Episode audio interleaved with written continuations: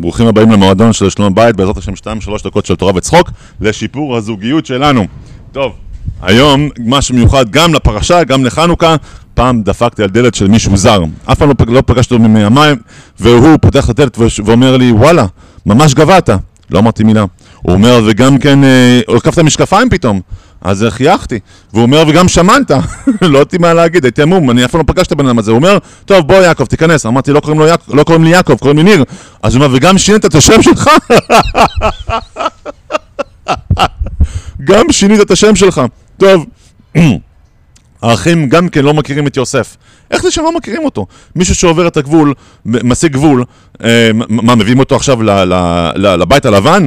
לתחקיר על ידי סגן הנשיא? ומה סגן הנשיא עכשיו ישאל אותם שאלות כאלה פרטיות? מה אבא שלך? מה עם אחים שלך? איפה גרתם? דברים כאלה?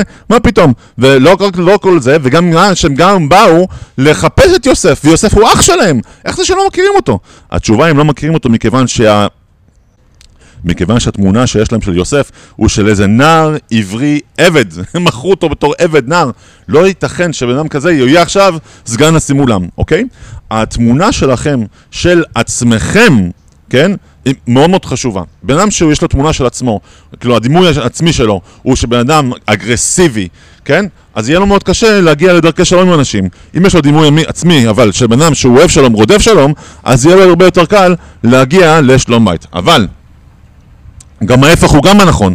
אם אינם הוא חושב שהוא התגלמות של אהרון הכהן, הוא רודף שלום והוא אוהב שלום.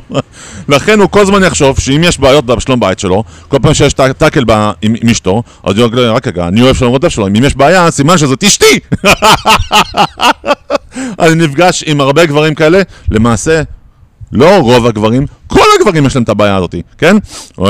זו אשתי, זה אשתי, זה אשתי. טוב, אני אומר להם, טוב, בואו עכשיו תפתחו שיחה עם האישה לפניי, כדי שנראה איפה הטעות שלכם. מה קורה?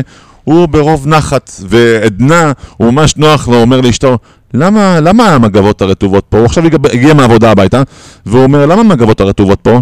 למה הלגו אסוף? למה פה לא מה שם? והוא חושב בגלל שהוא ממש בטון נמוך, ובדיבור וב, ובשלווה, אז אשתו גם כן צריכה להחזיר לו בשלווה, ואשתו עכשיו רק בא עכשיו הביתה, לא היית פה, לא היית את כל הילדים וזה, כועס עליו, צועקת עליו, והוא לא מבין למה, למה כל הדברים האלו, הוא מאשים את אשתו גם כן ברוע לב, כביכול ברוע לב שלה.